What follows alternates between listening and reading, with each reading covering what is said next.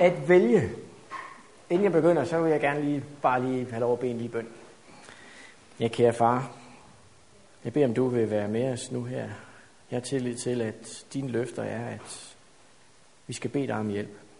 Og jeg beder om du vil hjælpe os at se, hvilken situation vi står i. Og at du ønsker at give os mulighed for at vælge. Jeg beder om du vil lade din ånd påvirke os alle, at vi må se et behov for dig. Det beder jeg om. I Jesu navn. Amen. 5. Mosebog 30. Det er det gamle testamente. Det er Gud, der taler. Jeg har stillet dig over for livet og døden, velsignelsen og forbandelsen. Så vælg da livet, for at du og dine efterkommere må leve. Og elsk Herren din Gud. Adlyd ham og hold fast ved ham. Så vil han leve og få et, så vil du leve og få et langt liv og bo på den jord, Herren lovede dine fædre Abraham, Isak og Jakob og give dem. Det er et løfte. Gud giver løfter, men det kræver, at de skulle vælge. At vælge livet, det er at adlyde Gud, Gud, som der står. Det er, vælg da livet ved at adlyde Gud. Ved at vi holder fast ved Gud. Så Guds måde at vælge livet på er rent og skær. Hold fast ved mig. Joseas 24 står der. Frygt nu Herren og tjener ham i rigtighed og trofasthed. Fjern de guder, som jeres fædre dyrkede på den anden side af floden og i Ægypten, og dyrk Herren.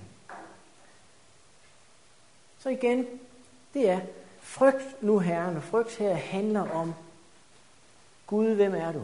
Så når vi går ind i ordet frygt i Bibelen, er det ikke et spørgsmål om at være bange for at være bange, men et spørgsmål om, Gud, hvem er du? Og frygte Herren er at søge ham. Det er at frygte Herren. Og tjene ham i oprigtighed. Det du ser er sandt. Gør det. Fjern de guder, som jeres fædre dyrke på den anden side af floden i Ægypten. Fjern det, som du har holdt som det, der har været din tillid for din fremtid på den her jord. Fjern det som din første prioritet. Men så kommer der noget vigtigt her. Men hvis det er imod at dyrke Herren, så vælg i dag, om I vil dyrke de guder, jeres fædre dyrke på den anden side af floden, eller amoritternes guder i et vist land I bor. Jeg og mit hus vil tjene Herren. Gud sætter os ikke i en tvangssituation. Selvom han overfor Israel havde frelst dem igen ørkenen og vist dem en masse ting og virkelig beskyttet dem, så står de bare i en eneste mulighed, det er, nu må I vælge. Adam og Eva måtte vælge. Israel måtte vælge. Og det er vidunderligt at have en Gud, som tillader os at gå væk fra ham. Og han kalder os tilbage med at vælge. Jeg kender religioner, som hvis du forlader dem, så er du enten dødsens fysisk eller mentalt. Tænk sig at gå væk fra en religion, og så er du dødsdømt. Men Gud sætter dem, som falder fra i en kald tilbage. Og når han har kaldt dem, så når han til, så vælg. Du må selv vælge. Josias 24, 19 kommer så noget vigtigt. I er ikke i stand til at dyrke Herren, for han er en hellig Gud. Han er en videnskabelig Gud. Han tilgiver ikke jeres overtrædelser og sønder. Når I svigter Herren og dyrker fremmede guder, vil han vende sig fra jer og handle ondt mod jer og tilintetgøre jer, selvom han før har handlet godt mod jer. Det lyder lidt voldsomt. Der bliver sagt til Israel, hvor Josva rent ud siger, I er ikke i stand til at dyrke den Gud. Han vil udrydde jer. Og så ser man, her er en vred Gud. Og når Gud er vred, så bliver det slemt. Er det fordi Gud slår? Ofte bliver Gud vred. Ved at jeg forsøger selv, og så trækker han sig med den beskyttelse, vi havde. Og så er der andre, som slår. Mange beskylder Gud for, at det går dem dårligt. Men ofte så er det fordi, de har forladt Gud så meget, at Guds beskyttende ånd ikke kan være der. Og hvis vi vælger så langt ud, så står der her, så vil han ikke kunne tilgive, at I gør forkert, så skal man få lov at gå hele vejen. Så hvis man bevidst vælger ud og så siger, jeg vil ikke med Gud, så får vi også mærke en konsekvens. Så kan Gud ikke beskytte. Folket sagde til Josva, nej, Herren vil vi dyrke. Da sagde Josva til folket, I er vidner mod jer selv, på at det er Herren, I har valgt at dyrke. De svarede ja. Og så sagde han, fjern så de fremmede guder, I har hos jer, og vend jeres hjerte til Herren Israels Gud. Og folket sagde til Josva, Herren vor Gud vil vi tjene, og ham vil vi adlyde. Så selvom de ønskede at tjene den sande Gud, så havde de deres gamle traditioner, deres gamle guder. Vi kan jo ikke, vi må jo have et lille, vi må have noget at falde tilbage på. Og det er et problem, som kommer igen. For du kan ikke tjene både Gud og mammon. Det er det, der bliver lagt op til. Du kan ikke stå med en ben i den ene lejr, en ben i den anden, og så sige, at Gud er nok med mig på min vej. Jeg beder til Gud, når jeg har brug for hjælp. Nej, vi skal være med Gud på hans vej. Og han skal nok lede os og føre os. Salme 25, 11. For dit navns skyld, Herre, skal du tilgive min synd, for den er stor. Den mand, der frygter Herren, ham belærer han om den vej, han skal vælge. Han selv skal leve i lykke, og hans afkom skal få landet i arv og eje. De, der frygter Herren, har fællesskab med ham. Gennem sin pagt vejleder han dem. Mine øjne er altid rettet mod Herren, for han befrier min fod fra nettet.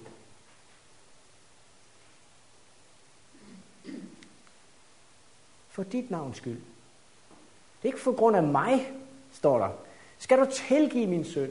Gud har lovet, at han tilgiver synderne. Jeg har begået og taget straffen og ændret mit liv, at jeg vil leve anderledes.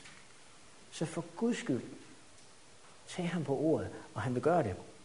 Den mand, som frygter Gud, belærer Gud. Den, som holder sig til Gud, står der her. Vil Gud vise vejen?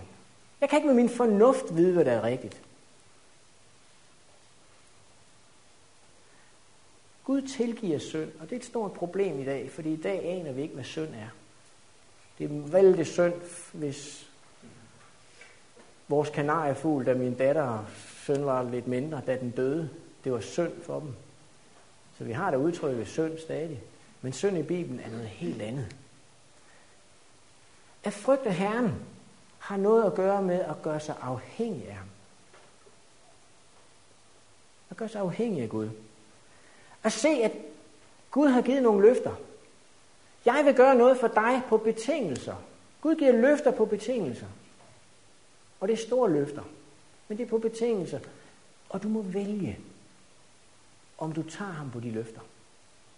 Det er et valg. Og et af de løfter, som er det største, som egentlig er, hvordan kommer jeg tilbage? Det havde vi også før i Amias 31-33. Den pagt, som Gud vil indgå, ikke bare med Israel, men med os alle sammen. Sådan er den pagt, som vi slutter med Israels hus, når de dage kommer, siger Herren. Og de dage, det var efter Messias kom. Efter at Jesus kom og viste et syndfrit liv. Der vil indgå en pagt, når de dage kommer. Profeti. Jeg lægger min lov i deres indre.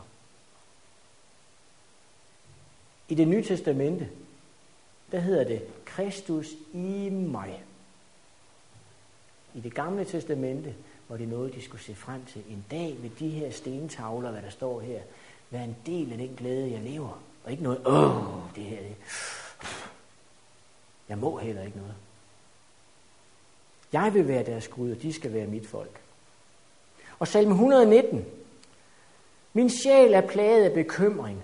Rejs mig efter dit ord. Hold falskheds borte fra mig, og giv mig i noget din lov. Her beder David om, at alle hans bekymringer om, hvad skal der dog ske med mig? Og han siger til Gud, Gud rejs mig efter det, du har vist mig, at jeg må gå efter det, du har her. Hold det forkerte væk. Det, som er falsk. Det, som jeg ikke kan gennemskue, om det er rigtigt. Hold det væk fra mig. Og giv mig i noget din lov. I noget i Bibelen. Kares hedder udtrykket. Det er en forvandling indefra og ud. Det er ikke bare sådan en noget, du er tilgivet. Vi glemmer det. Nej, en forvandling indenfra og ud. Så det han beder om her, det er faktisk, det du har lovet, at din lov må være i mig. Giv mig den forvandling indenfra og ud, at jeg får din lov. Jeg tror, hvis vi virkelig beder Gud om den hjælp, at Gud, jeg vil gerne, at din lov er i mig, så er jeg nået langt. Men der vil komme tanker, som siger mig, hvad går jeg glip af? Hvad går jeg så glip af? Jeg vælger sandhedens vej. Jeg har dine bud for øje. Så han vælger sandhedens vej. Toran. Hvad Gud fortæller. Løfterne Gud giver. Og holder sig til den Gud, som han lærer gennem Bibelen. Jeg holder fast ved dine formaninger, herre. Gør mig ikke til skamme. At den vej, du befaler, vil jeg løbe, for du har gjort mit hjerte fri. Wow! Mit hjerte er frit. Du har gjort, at jeg faktisk har lyst til de ting. Hjælp mig så med at gennemføre det. Hjælp mig med at gennemføre det. Det var sådan, at i Israel, der kom der meget falskhed ind i hele deres forståelse af Gud og det Gud havde givet dem. Så de mistede den betydning, som, som Guds lov egentlig havde. Men David, han ønskede at komme tilbage til sandhedens vej. Tilbage til det, at det ikke var blandet med alt det her hedenskab, som Israel hele tiden var omgivet af. Og derfor har tempeltjenesten stor betydning. Fordi tempeltjenesten i det gamle testamente har noget at gøre med, hvordan Gud vil frelse mennesket fra den synd, som er skyld i, at vi skal dø. Det har stor betydning for Israel. Og Israel havde egentlig glemt det, selvom de dagligt havde det at gå til. De så ikke templet som Guds måde i symboler at fortælle hele bibelhistorien. Det var en ordentlig mundfuld i nogle enkelte ting. Men det var tempeltjenestens primære opgave at fortælle, hvad Gud engang vil gøre ved den messias, der kommer, og hvordan den messias kan frelse os, ændre os. Alle de symboler, som vi har i tempeltjenesten, de blev blandet med hedenskab på deres tid. Og derfor sådan, når man begynder at få en forskellig forståelse af, hvem Gud er, så får man også en forkert måde at gøre tingene på. Og derfor kunne det se rigtigt ud på overfladen, men i bund og grund var det forkert, de betydninger, de fik. Folket, de skulle, når de havde syndet, så skulle de gå til helligdommen. De skulle bringe et lydefrit lam, et lam, som ikke fejlede noget. Så skulle de bekende deres synd på lammet. De skulle faktisk lægge deres hænder på lammets hoved, lægge hele deres vægt over og bekende over for dem, hvad de havde gjort. De lagde synden over på lammet. Så skulle de slagte lammet selv, og det blev så givet til præsten, som så gik ind og gjorde en masse ting ind i templet med det. Det var en vigtig del af Israels forståelse af, hvordan Gud behandler synd. Den indeholdt alt det, som var nødvendigt for, at de kunne forstå det. Og vi kan se i dag, at blodet, det kender vi også i den kristne ting, det det skulle vise hen til, det var korset. Det at nogen skulle dø i vores sted. De havde vandkarret, hvor man kom ind. Der har vi dåben, renselsen. De havde skuebrødene. Dem, som skulle være Guds brød, det brød, vi skulle leve af, som er Guds ord. De havde røgelseskaret, som stod derinde, som var de bønder, som Guds folk bad til Gud. De havde lysestagen, som var symbolet på, at de skulle gå ud og vidne. At de skulle være lys i verden. Og så havde de pagtens ark med de ti bud, hvor vi i det nye testamente har Kristus i os. Så alt, hvad der kom fra det gamle testamentets helligdomstjeneste, indeholdte alle de symboler, som hvis de havde sat sig ned med Toraen og studeret de ting, så havde de en dyb forståelse af, hvad det her, hvad det her havde betydning. Pagtens ark indeholdt de ti bud. De indeholdt mannaen. De indeholdt Arons stav. Og de ti bud viser sig at være Guds karakter, den karakter Jesus egentlig havde. Mandagen, det var, at vi skal leve dagligt af de ting her. Det lå også i arken. Det har vi glemt. Men vi skulle leve dagligt af det, det handlede om. At forstå Gud gennem sit ord. Det ord, han har. Og så Arons stav. Arons stav har stor betydning. Du skal ikke gå til din præst for at få at vide, hvad der er sandt. Du skal gå til profeterne. Israel stod i en situation, hvor de følte, at vi præster har succes. Hvorfor skal de kun tale gennem, hvorfor vil Gud kun tale gennem dig, Moses og Aaron? Vi har succes. Gud taler også gennem os. Se vores succes. Så Arons stav var der for, at vi aldrig må glemme, at vi skal ikke gå til præster for at høre, hvad der er sandhed, men vi skal gå til profeterne. Præsterne skal hjælpe os til profeterne. Der er mange kirker i dag, hvor det er lige omvendt. Det er, jeg har talt med en, som kommer i en anden kirke, og som de har en tradition for det her, men jeg behøver ikke at vide det, jeg skal bare spørge min præst.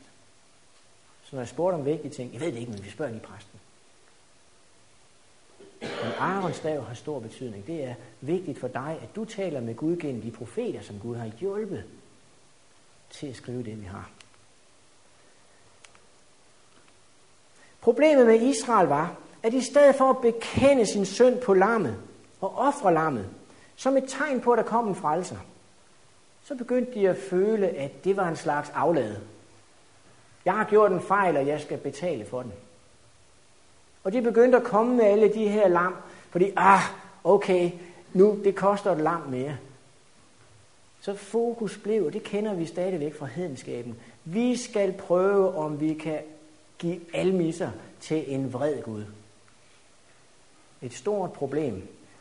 Men Gud havde jo givet dem det. Gud havde givet dem den her tanke med, at de skulle ofre de her ting. Men i Hosea 6.6, der står der, Troskab ønsker jeg, ikke slag ofre. Kundskab om Gud, ikke brandoffer. Så Gud gav dem faktisk slagteoffer og ting og sager, selvom det var afskyeligt for Gud. Fordi de misforstod, hvad opgaven var med det, de kom med. Det skulle føre dem til at se, hvad det her koster Gud. En uskyldig, uden fejl, skal dø for det, jeg har gjort. Jeg kan ikke betale en mindste for nogle af de ting, jeg har gjort forkert. Intet for at komme i himlen. Jeg kan intet gøre. En ting skulle Israel lære. Hvis ikke du lagde din søn over og virkelig gav den i tillid til, at en dag kommer der en og tager min søn, men tror, du kan betale dig fra den, så må du beholde din søn. Du er nødt til at give den til Gud. Virkelig bogstaveligt sige, Gud, jeg har syndet og gjort det forkert. Jeg ved, det er der. Tilgiv mig, Gud. Og gør, at jeg ikke vil falde i igen. Og du kan falde i mange gange. Det er ikke antallet af gange, der er vigtigt for, hvornår du skal give op. Jeg kan ikke huske, hvor det står, men jeg tror, det er i ordsprogene, hvor der står, at en dum mand falder en gang, men den vise falder syv. Fordi hvis man først oplever synd og siger, åh, hvor er det fedt, så bliver jeg liggende dernede. Men hvis jeg oplever, Gud, jeg har syndet, rejs mig. Og jeg falder igen. Gud, jeg gjorde det igen. Rejs mig. Det er så vigtigt i helligdomstjenesten at forstå, at den synd, som jeg ved står mellem mig og Gud, at jeg siger, Gud, tilgiv mig. Det er Guds måde at håndtere det på. Og så tager han konsekvensen. Men han gør mere end det. Han ønsker, at du skal få tillid og bruge tid med ham.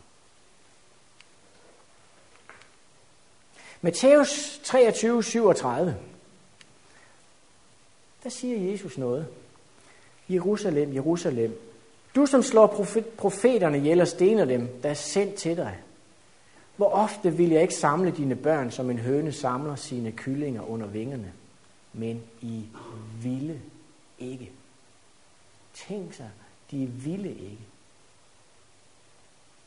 Viljen har en stor betydning. En stor betydning for at forstå, hvordan jeg tager og gør de rigtige ting. Men viljen, har du kontrol over din vilje? Det er det store spørgsmål. Jeg har ikke kontrol over min vilje.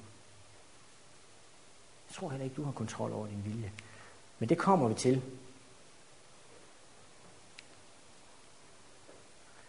Mange gange, når vi kommer tæt på Gud, så oplever vi en Gud, som ønsker, at jeg skal leve på en måde, som gør, at jeg sætter bremserne i. Israels problem var, at de havde sat bremserne i, fordi de ville ikke samles under Gud. Og jeg kunne godt tænke mig, at vi skulle tale om en person, som også er levende i Johannes 18 og i Matthæus, Pilatus. Det har noget med viljen at gøre, fordi Jesus bliver sat over for Pilatus. Og i den forbindelse kunne jeg godt tænke mig at vide, hvad sker der egentlig inde i hovedet på Pilatus?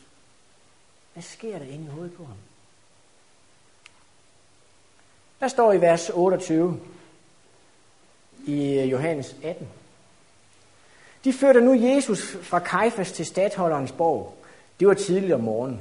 Selv gik de ikke ind i borgen, for at de ikke skulle blive urene, men, hold, men kunne holde påskemåltid. Pilatus gik ud til dem og sagde, Hvilken anklage fremfører I mod denne mand? De svarede, Havde han ikke været en forbryder, ville vi ikke have udleveret ham til dig. Pilatus sagde til dem, Så tag I og døm ham efter jeres lov. Jøderne sagde, Vi har ikke ret til at henrette nogen, for sådan skulle Jesu ord gå i opfyldelse. Det ord, han sagde, da han betegnede, hvordan han skulle dø.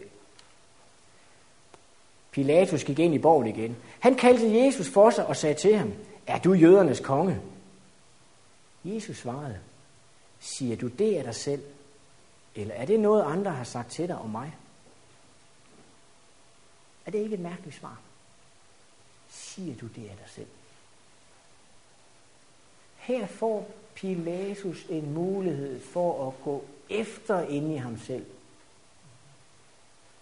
Er det noget, du har fået at vide af nogen? Eller er det noget inde i dig selv, som har overbevist dig om, at her står jeg over for en, som måske er meget større, end jeg er klar over? Jødernes konge Pilatus vidste godt, hvem det skulle vise hen til. Messias. Siger du det af dig selv? Og jeg er overbevist om, at Pilatus inderst inde havde en stemme, som fortalte ham, her må du vælge. Her må du vælge. Pilatus svarede, er jeg måske jøde? Det er dit eget folk og ypperste præsterne, som har udleveret dig til mig. Hvad har du gjort? Jesus svarede, mit rige er ikke af denne verden. Var mit rige af denne verden, havde mine tjenere kæmpet for, at jeg ikke skulle udleveres til jøderne. Men nu er mit rige ikke af denne verden. Det synes jeg har stor betydning at forstå. Det rige, vi ser hernede, det er ikke Guds rige. Der er intet hernede, som kan sammenlignes med det, som det skulle have været. Gud kæmper i den her verden imod Satan, men han gør det gennem sit folk. Det har stor betydning for, hvordan Guds folk lever, at Gud kan kæmpe igennem dem. Pilatus sagde til ham, så er du altså konge, Jesus svarede. Du siger, jeg er konge. Derfor er jeg født, og derfor er jeg kommet til verden, for at jeg skal vidne om sandheden. En hver, som er sandheden, hører min røst.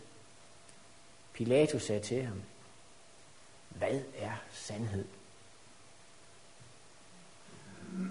Jeg er sikker på, at Pilatus udmærket inderst inde havde en idé om, hvad det var, der rørte ved ham. Kan jeg stole på det, jeg fornemmer? Kan jeg stole på det, jeg virkelig kan mærke, at den mand, der står foran mig her, er noget vigtigt, og det valg, jeg står i, har stor betydning for min fremtid. Og så står der, hvis jeg lægger noget fra Matthæus ind, og mens han sad i dommersædet, havde hans hustru sendt bud til ham og lavet sige, hold dig fra denne retfærdige mand, for jeg har i nat haft mange onde drømme på grund af ham. Hvad er sandhed, spørger han. Kan han fortælle til, at hans kone har sagt, der er noget i en drøm, som jeg har fået at vide, at du skal være forsigtig med, hvordan du behandler den mand. Hold fingrene langt væk fra det, du har gang i. Men der står videre. Da han havde sagt det, gik han atter ud til jøderne og sagde til dem, jeg finder ham ikke skyldig. Men det skal ikke brug hos jer, at jeg løslader en fange i påsken. Vil det have, jeg skal løslade jer jødernes konge? De råbte tilbage. Ikke ham, men Barabbas. Nu er Bibelen fyldt med navne. Og Israel står her over for Messias eller Barabbas. og Barabbas betyder søn af faderen. Så de står her over for en falsk søn af faderen og den ægte søn af faderen. Og ønsker den falske.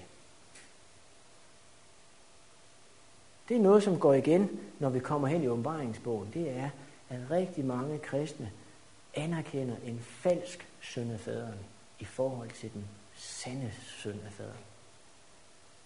Profeti har stor betydning for at se forskellen på de to. Pilatus tog så Jesus og lod ham piske. Og soldaterne flettede en krone af, to, af tårne og satte den på hans hoved. Og de hængte en purpurkappe om ham. Og stillede sig foran ham og sagde, Hild dig jødernes konge, og slog ham i ansigtet. Pilatus gik atter ud af borgen og sagde til dem, Nu fører jeg ham ud til jer, for I kan vide, at jeg ikke finder ham skyldig. Så kom Jesus ud med tornekronen og purpurkappen på. Pilatus sagde til dem, Se her er mand. Se, hvor han lider.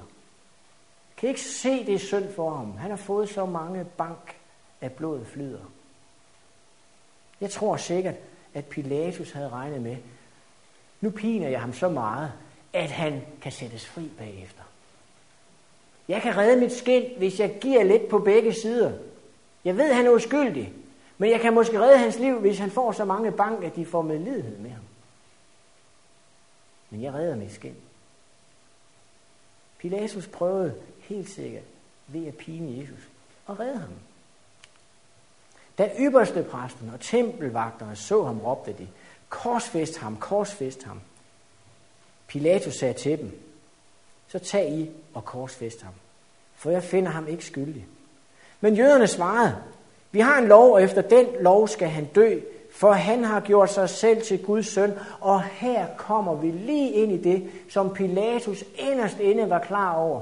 Den mand er fra Gud af. Hans inderste overbevisning fortæller ham, den mand er noget specielt. Og her bliver det virkelig bekræftet ved, at dem, der vil have ham slået ihjel, siger, det er på grund af, at han kalder sig selv for Guds søn.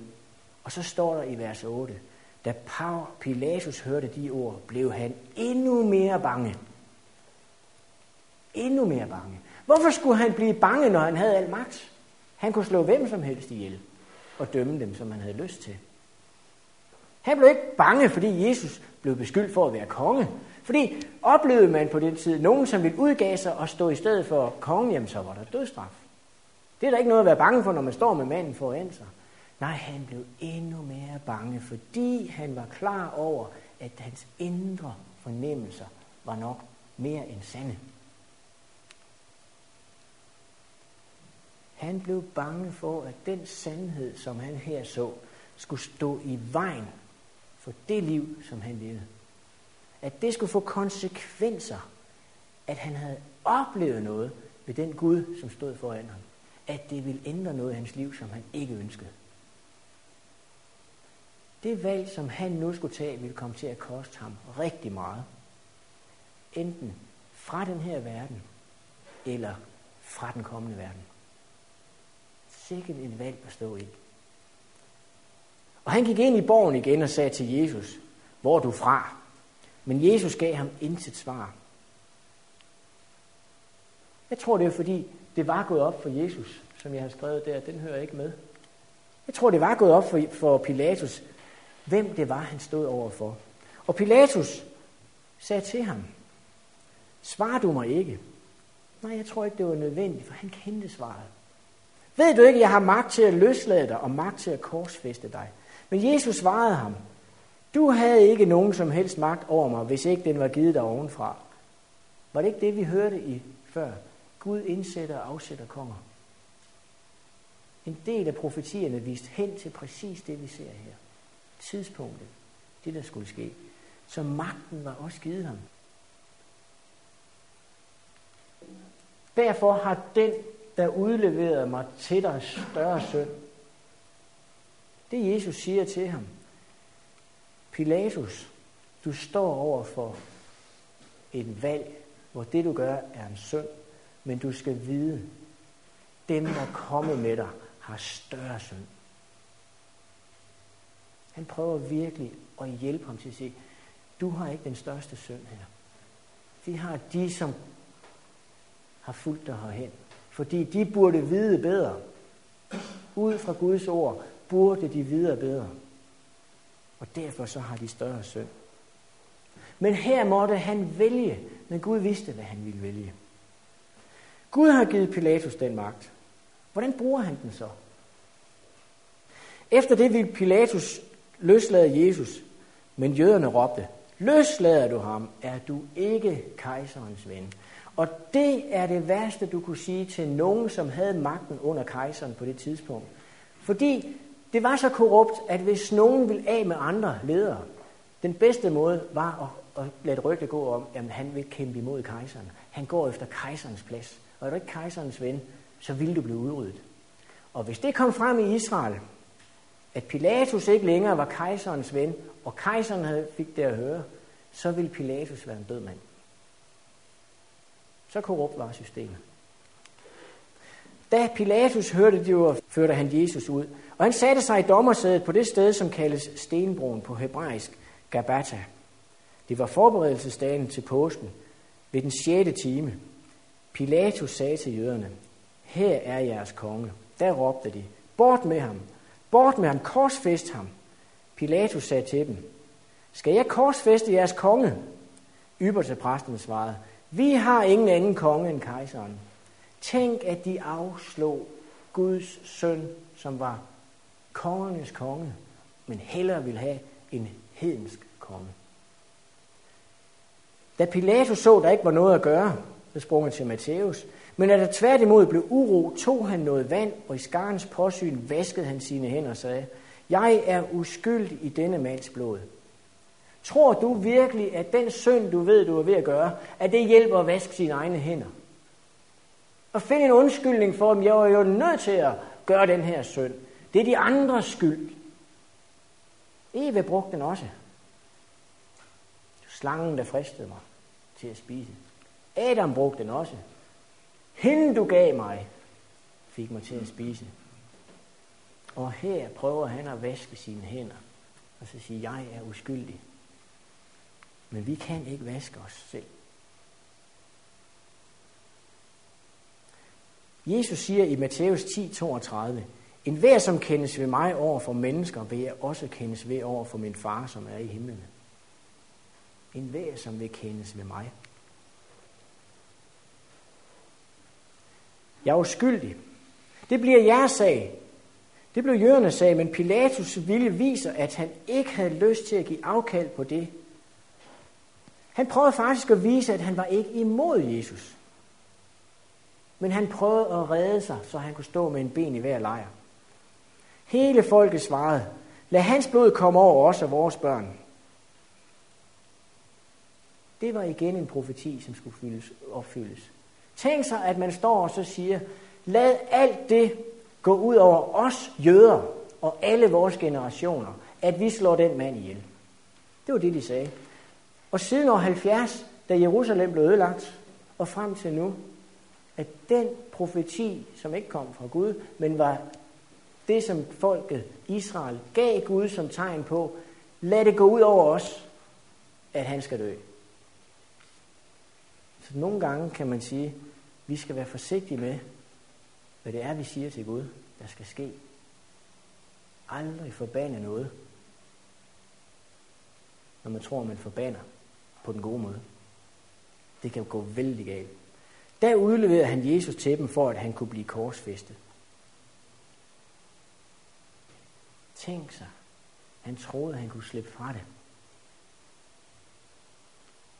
Hvor var hans vilje? Har jeg så kontrol over min vilje, at når jeg ser, hvad der er rigtigt, tør jeg så følge det?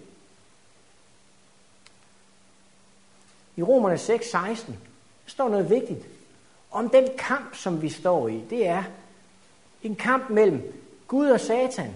To forskellige, som udgiver sig for at have magt her på jorden.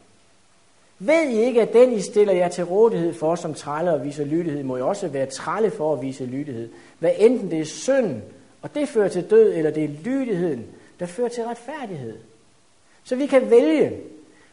at leve efter den verdens fyrste, vi har her, som giver mig fornemmelsen af, at jeg skal ikke dø, jeg har ingen problemer med Gud, for han er i mig, og jeg har min sunde fornuft til at vide, hvad der er rigtigt. Der vil du opleve, at din vilje er bundet af ting, som gør, at du ikke kan vælge rigtigt, fordi du opdager, så går jeg glip af det, jeg er blevet afhængig af. Jeg er blevet afhængig af det forkerte. Men hvis Gud får købt mig fri, står der, så kan vi leve det frie liv, hvor vi ændres indenfra og ud. Så er jeg stadigvæk afhængig. Men hvad er jeg så afhængig af? Så er jeg afhængig af Gud. For han har lov at gøre det. Johannes 1.12 står der, men alle dem, som tog imod ham, gav han kraft til at blive Guds barn. Til at blive Guds børn. Dem, der tror på hans navn. Og tro på et navn. Det er ikke spørgsmål, hedder du Henrik? Ah, tror på dit navn. Navn er en egenskab. Så alle dem, som tog imod Messias, dem gav han kraft til at leve, som Jesus levede. Det er Guds børn. Dem, som tror på hans navn. De egenskaber, som Gud har, hvor han ønsker at lægge sin natur. Det Gud står for ind i os, at vi lever det. Kristus i jer. Det er dem. De fik magten til det. De gjorde det ikke af sig selv. I Romerne 5, 18 og 19, der står der noget vigtigt. Altså ligesom en enkelts frafald blev til fordømmelse for alle mennesker, sådan er en enkelts retfærdige gerning også blevet til retfærdighed og liv for alle mennesker. For ligesom de mange blev syndere ved det ene menneskes ulydighed, sådan skal også de mange blive retfærdige ved en enestes lydighed. Det, at Adam blev ulydig, og man så, at det gik fra at være næsten sandt til at være total kaos og total ondskab. Der står der, at den anden Adam, som var Messias, der kom, vender han bøtten om og gør, at dem, der følger ham, vil gå tilbage og blive retfærdige på grund af hans lydighed.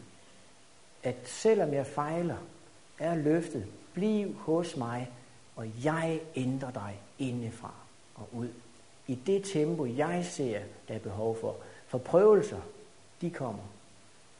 Og de prøvelser skal give dig tillid til den Gud, som du føler er langt, langt borte. 1. Korinther 6, 19. Eller ved I ikke, at jeres læme er et tempel for Helligånden, som er i jer, og som I har fra Gud? I tilhører ikke jer selv, for I er blevet købt dyrt. Tænk så, at vi ikke tilhører os selv. Det vil sige, jeg er stadigvæk afhængig af enten at tilhøre en type eller en anden type. Min vilje kan ligge på den ene eller den anden, fordi det er min vilje, der styrer, hvad jeg gør. Og hvis ikke jeg tilhører mig selv, men er købt dyrt fri, så må jeg vælge. Hvem vil jeg vælge? Har jeg solgt min vilje til mig selv, eller det satan står for? Eller ønsker jeg at blive købt tilbage til den Gud, som ønsker at ændre mig indenfra og ud? At jeg bliver et Guds barn. Vi ejer ikke os selv. Hvad betyder det for dit liv, hvis det pludselig går op for dig? Du ejer ikke viljen til at gøre det, der er rigtigt det betyder afhængighed. Og jeg tror, at den afhængighed er det, som skal til for, at vi virkelig forstår, at Gud ønsker at hjælpe os. At vi må indse en afhængighed, ellers går vi med vores fornuft på vores egne veje, og det vil ikke gå os, sådan som vi ønsker. Philip 2.13 står noget utrolig vigtigt. For det er Gud, der virker i jer, både at ville og at virke for hans gode vilje. Tænk så, det er Gud, som inde i os, når vi bruger tid med ham, virker i os til, at vi vil gøre tingene, og til, at vi også gør dem. Det synes jeg er et utroligt stort løfte. At den Gud, som kender fremtiden, har sagt, jeg er den eneste Gud. Jeg er i stand til, hvis du bruger tid med mig, Kom ind i dine tanker og hjælp dig til, at du vil det rigtige, og at du sandelig også gør det. Det er store ting. Det er de løfter, som vi har så svært ved, fordi vi har mere brug for det, vi har omkring os. De afguder som vi bygger op, som skal være vores sikkerhed i dag. En afgud er det, du sætter i første prioritet, for at du tror, at dit liv skal gå godt. Så hvis ikke Gud er din første prioritet, så har du andre guder. Tør du bede Gud, Gud, lær mig at bruge tid med dig. Lige meget, hvad det kommer til at koste mig. Hvis du tør bede Gud om det, så vil han tage over i dit liv, og det vil koste dig noget. Og du må have tillid til, at de ting, som du higer dig til, fordi du tror, dem kan jeg ikke undvære, at det er de ting, som du allerhelst vil væk fra, når Gud har taget dem fra dig og sagt, hvordan, hvordan kunne jeg have interesse i de ting? Og det er stort. Ønsker du, at Gud skal virke i dit liv? At det ikke bare skal være en teori, hvor man spekulerer, kan vide, om Gud er til, men at du kan få overbevisning op til at vide, der er en Gud til, jeg kan finde ham. Han er så nær, at jeg skal kun gå til ham, fordi hans søn er mellemmand mellem mig og Gud. Og at han har betalt for, at jeg kan blive Guds barn. Og jeg kan intet gøre selv, ud over vise min afhængighed. Tør du bede Gud om hjælp til, at du må gå på hans vej? At det må blive en lykke for dig, og at det virkelig må være det, du ønsker, at Gud skal tage over i dit liv. Så ønsker jeg, at du skal bede om det nu.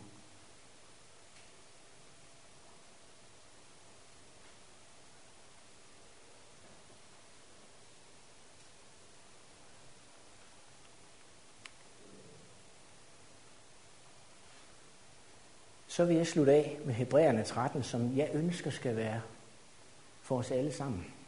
13, 20 og 21.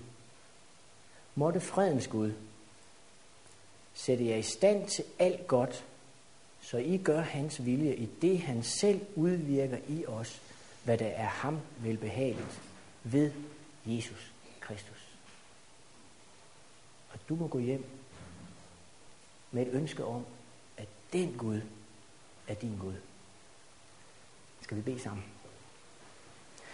Kære himmelske far, tak fordi at du er en Gud med mange løfter. En Gud, som har vist, at du ønsker kun at frelse os fra en verden, som er ved at gå i opløsning. Tak for, kære far, at øh, du i den her verden har vist, at den vil gå mod en ødegang, men at du vil komme, ligesom du kom første gang. Du kan ikke komme, før du ser et folk, som har tillid til dig. Men der har du også vist i dit ord, at du kommer, når evangeliet er nået ud til hele verden. Og jeg ved, far, at det var ikke længe, før det rigtige evangelium er nået ud til hele verden. Det kan ske på et øjeblik med de midler, som du har sat til rådighed for os. Tak fordi, at vi ikke kan gøre noget, men vi bare kan holde os til dig og du så gør resten i os. Vær med os hver især, når vi tager herfra, at vi må få en tillid til, at du er til, at vi må lære dig at kende, så du er hver vores Gud.